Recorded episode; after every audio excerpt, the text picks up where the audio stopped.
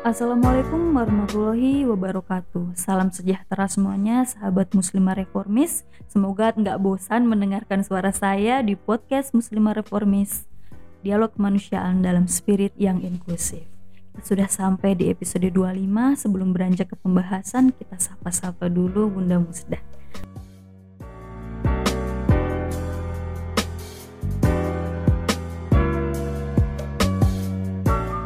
Assalamualaikum Bunda. Waalaikumsalam warahmatullahi wabarakatuh.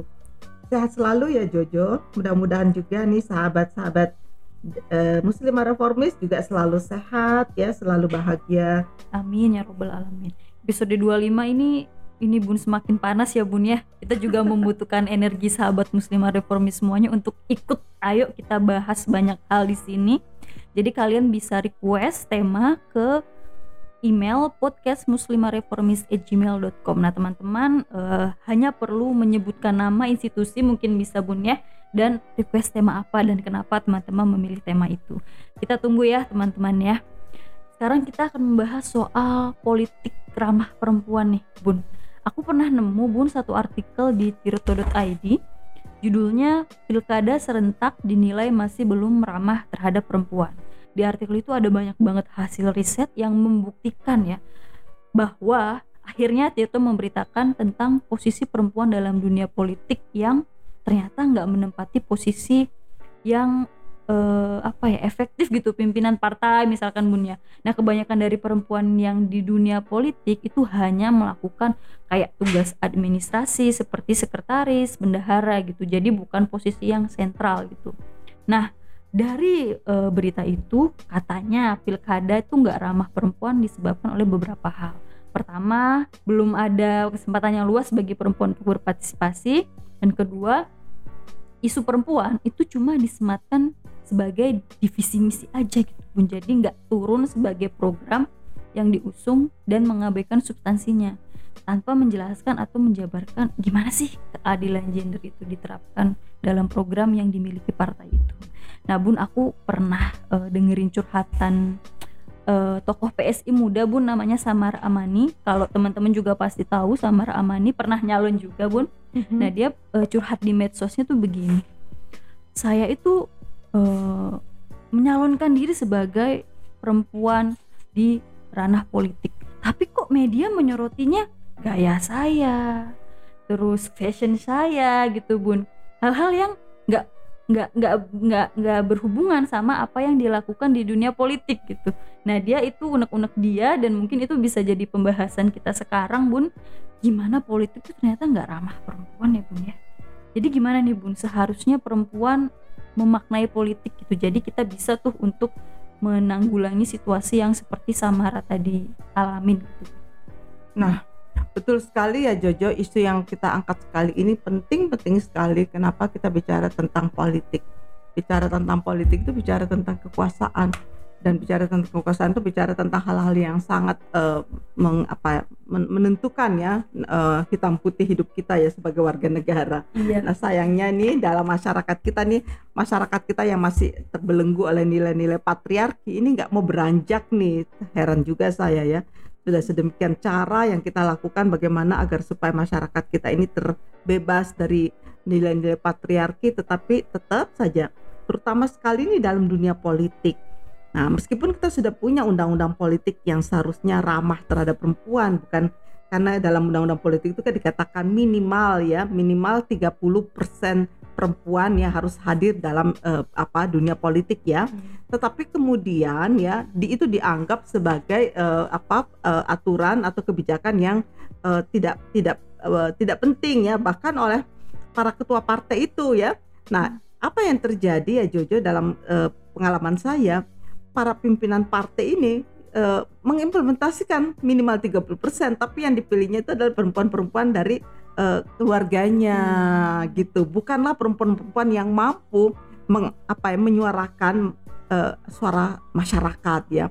Bukanlah perempuan-perempuan yang memiliki uh, concern dalam upaya membangun masyarakatnya. Malah jadi jembatan mereka ya, ya? betul. Jadi mereka. jadi akhirnya hmm. apa yang dipasang di situ adalah suami apa istri anak. anak ya uh, apa keponakan ya ist, uh, mertua ya lucu banget deh. Saya pikir loh ini kok jadi politik dinasti gitu kan?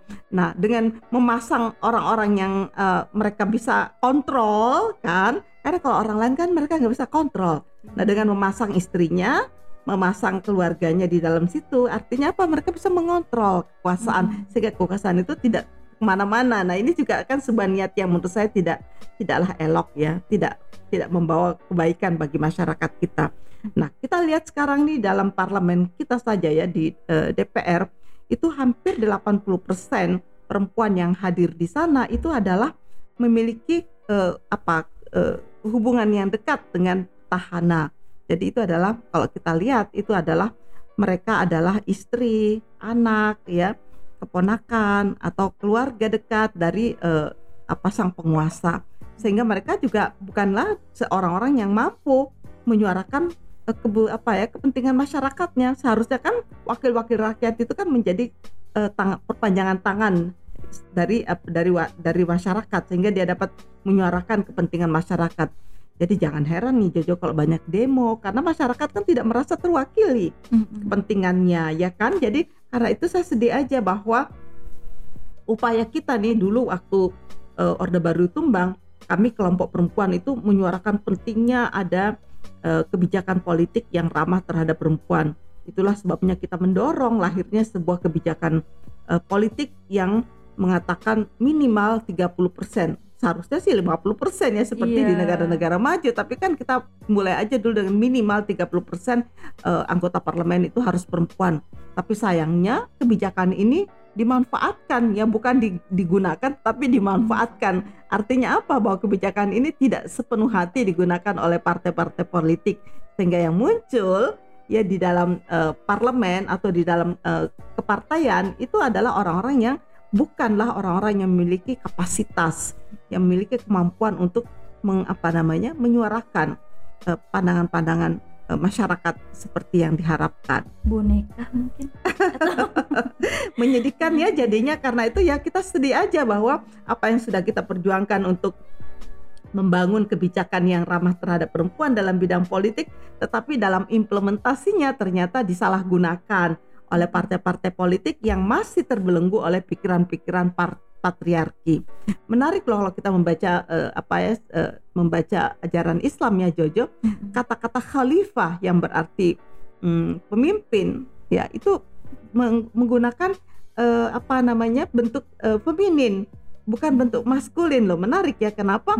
Kalau menurut saya saya menafsirkan bahwa Allah Subhanahu wa taala yang memerintahkan kepada kita bahwa ketika kamu menjalankan kekuasaan, jalankanlah dengan cara-cara feminin. Hmm. Artinya apa? Mengedepankan sikap-sikap feminin. Artinya apa itu? Yang lebih mengedepankan kasih sayang. Karena itu di dalam memerintah atau di dalam politik jangan menggunakan sikap-sikap yang kasar, kaku, ya, yang iya. sikap-sikap maskulin. Karena itu nggak banyak membawa manfaat ya dalam kehidupan uh, bernegara dan berbangsa. Ini menarik loh saya memikirkan kenapa ya kalau kita nggak menggunakan pendekatan feminin ya di dalam politik ya sehingga betul-betul politik ini betul-betul menjadi ajang untuk membangun apa ya membangun uh, peradaban yang lebih baik hmm. karena kita melihat ya di dunia ini terus terus aja selama pandemi semua negara yang dipimpin oleh perempuan dan mereka menggunakan pendekatan feminin di dalam uh, apa kebijakannya itu justru ya. lebih sukses hmm. loh menghadapi uh, apa ya bahayanya pandemi. Kita lihat Jerman, kita lihat apalagi itu yang Selandia, Baru. baru kan, itu kan hebat ya bagaimana para pemimpin itu karena memang dia perempuan tapi nggak semuanya perempuan itu menggunakan pendekatan feminin loh. Ada banyak uh, tokoh-tokoh politik atau pemimpin perempuan yang justru lebih maskulin daripada laki-laki ya karena ya, itu bun, ya. karena itu nggak semuanya jadi uh, tergantung juga sih kalau perempuan itu punya kesadaran punya perspektif yang uh, lebih manusiawi gitu kan pasti dia akan menggunakan pendekatan feminin itulah salah satu yang saya pikirkannya di dalam dunia politik juga terutama ya bagi kita umat Islam itu kalau kita melihat uh, di dalam Al-Qur'an itu kan ada satu contoh nih Jojo hmm. bagaimana di dalam surah Saba itu uh, Allah Subhanahu wa taala itu memberikan contoh tentang kepemimpinan seorang ratu yang namanya itu Ratu Bilqis ya kan. Hmm. Nah, Ratu Bilqis ini digambarkan di dalam Al-Qur'an adalah seorang ratu kepala negara yang mampu mengedepankan sikap-sikap feminin, pendekatan yang penuh dengan kasih sayang, keadilan dan kemaslahatan sehingga rakyatnya itu benar-benar di, digambarkan dengan apa? Istilah balda toyibah warabun ghafur.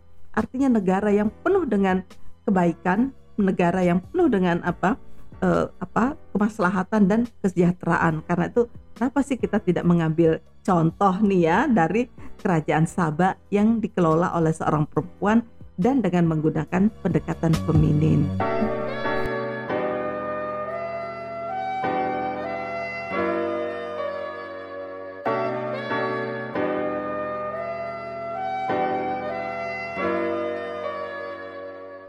sebenarnya apa aja sih bun hak politik untuk perempuan itu yang harus didapatkan untuk perempuan nah kalau di dalam um, apa dalam buku saya itu saya jelaskan bahwa pengertian hak-hak politik adalah hak-hak yang ditetapkan dan diakui oleh undang-undang dasar atau konstitusi suatu negara berdasarkan keanggotaan seseorang sebagai warga negara.